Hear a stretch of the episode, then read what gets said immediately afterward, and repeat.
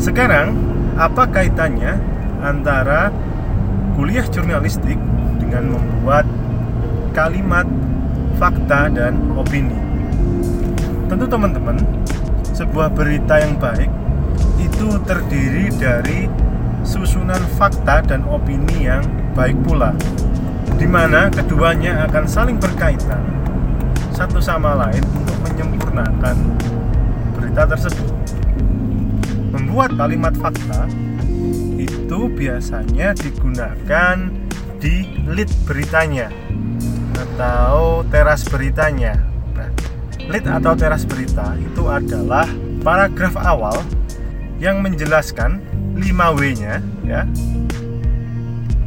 what, who, when, where, why itu di paragraf pertama.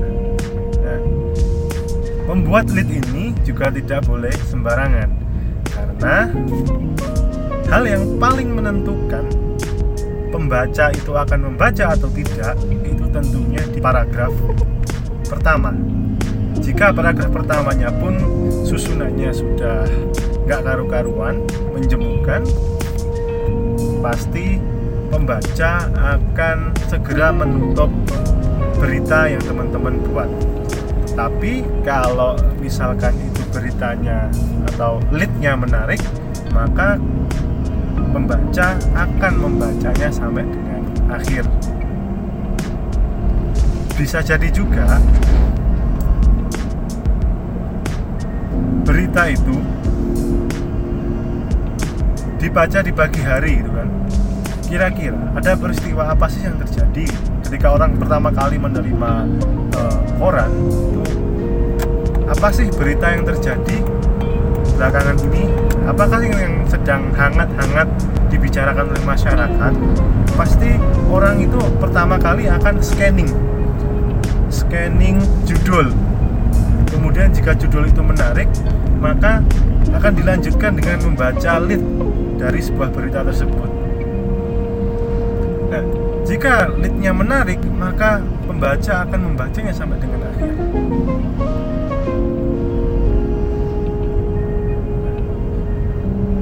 Seperti itu. Jadi uh, saya sendiri pun merasakan juga seperti itu ketika membaca sebuah uh, koran itu kan. Halaman pertama yang banyak sekali tulisannya kemudian saya scan judulnya. Nah yang clickbait yang mana nih? Nah seperti itu. Yang maksudnya uh, judul yang paling menarik ya itu yang mana kan?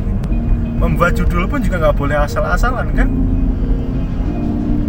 Nah, harus menggambarkan isinya ya boleh sih clickbait tapi ya jangan uh, terlalu nemen lah clickbaitnya jangan kebangetan lah seperti itu ya bagaimanapun juga hal yang menarik itu pasti ya menarik untuk dibaca seperti itu. Nah, kemudian kalimat fakta ini nah, nanti akan teman-teman buat pada materi pertemuan selanjutnya mengenai hard news.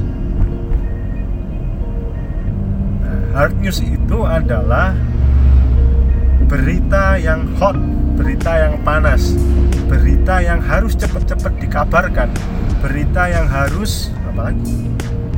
Ya, pokoknya segera lah, segera harus dipublish seperti itu. Makanya dengan melihat fakta saja, pertama kali dibuat leadnya, leadnya what, who, when, where, why, nya seperti itu.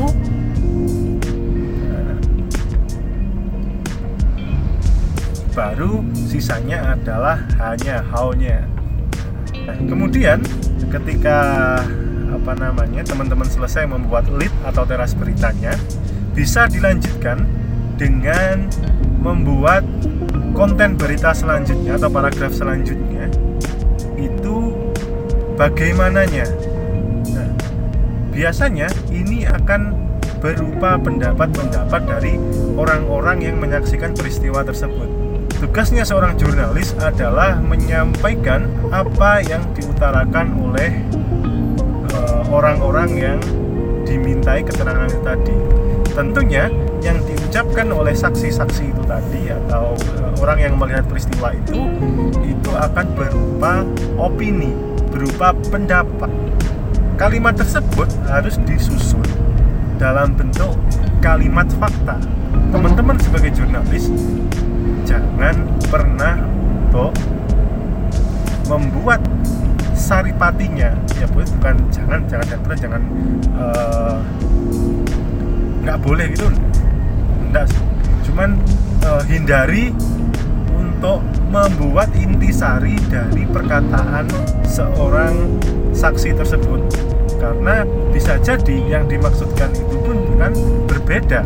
Nah, seperti paling gampang ya dikutip aja dikasih tanda petik. Nah, seperti itu. Fakta yang terungkap nah, jadi uh, kalimat opini itu adalah kalimat yang diutarakan oleh saksi. Faktanya bahwa sedang menjelaskan sebuah peristiwa. Nah dalam bentuk nah ketika teman-teman nanti menulis intisarinya nah kalau itu ternyata salah maka teman-teman harus bertanggung jawab atas kesalahan tersebut. Nah seperti itu. Nah, kemudian narasumber ya muncul lagi narasumber tadi pak. Saksi ya istilahnya ya, ya. saksi dari fakta tersebut itu nggak hanya satu bisa jadi dari pendapat-pendapat yang lain.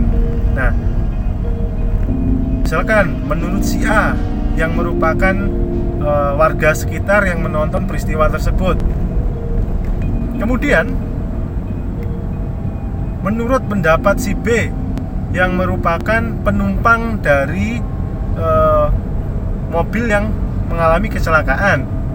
Pastikan sudut pandangnya akan berbeda kan seperti maka di sinilah pentingnya arti dari sebuah cover boot side. Jadi mengcover dari berbagai sisi. Ya. Agar kesimpulan akhir pembaca itu bisa terbentuk dari tulisan yang teman-teman buat. Kesimpulannya pun juga akan beraneka ragam kan tentunya. Namanya e, bentuknya akan berupa opini karena ya biarkan pembaca yang menyimpulkan. Nah seperti itu kawan-kawan sekalian. Itu adalah hard news. Nah sekarang bentuk berita yang soft news.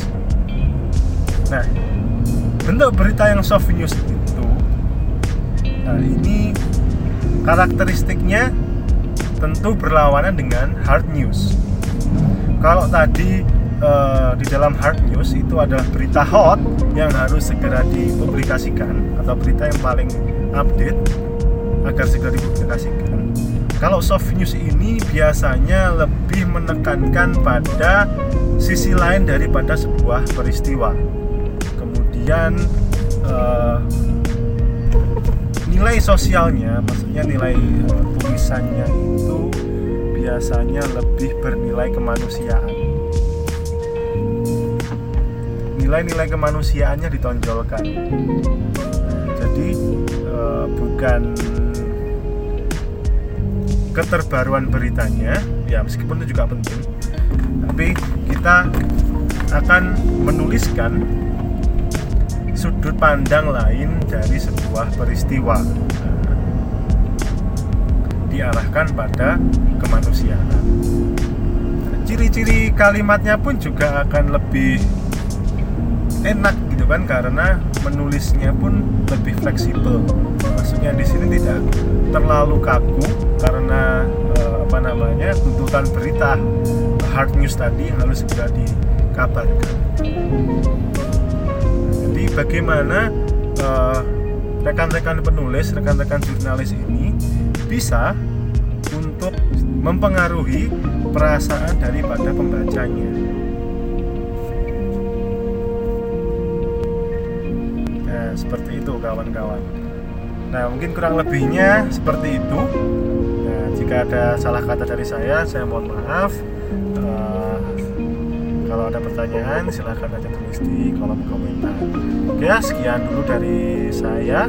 Wassalamualaikum warahmatullahi wabarakatuh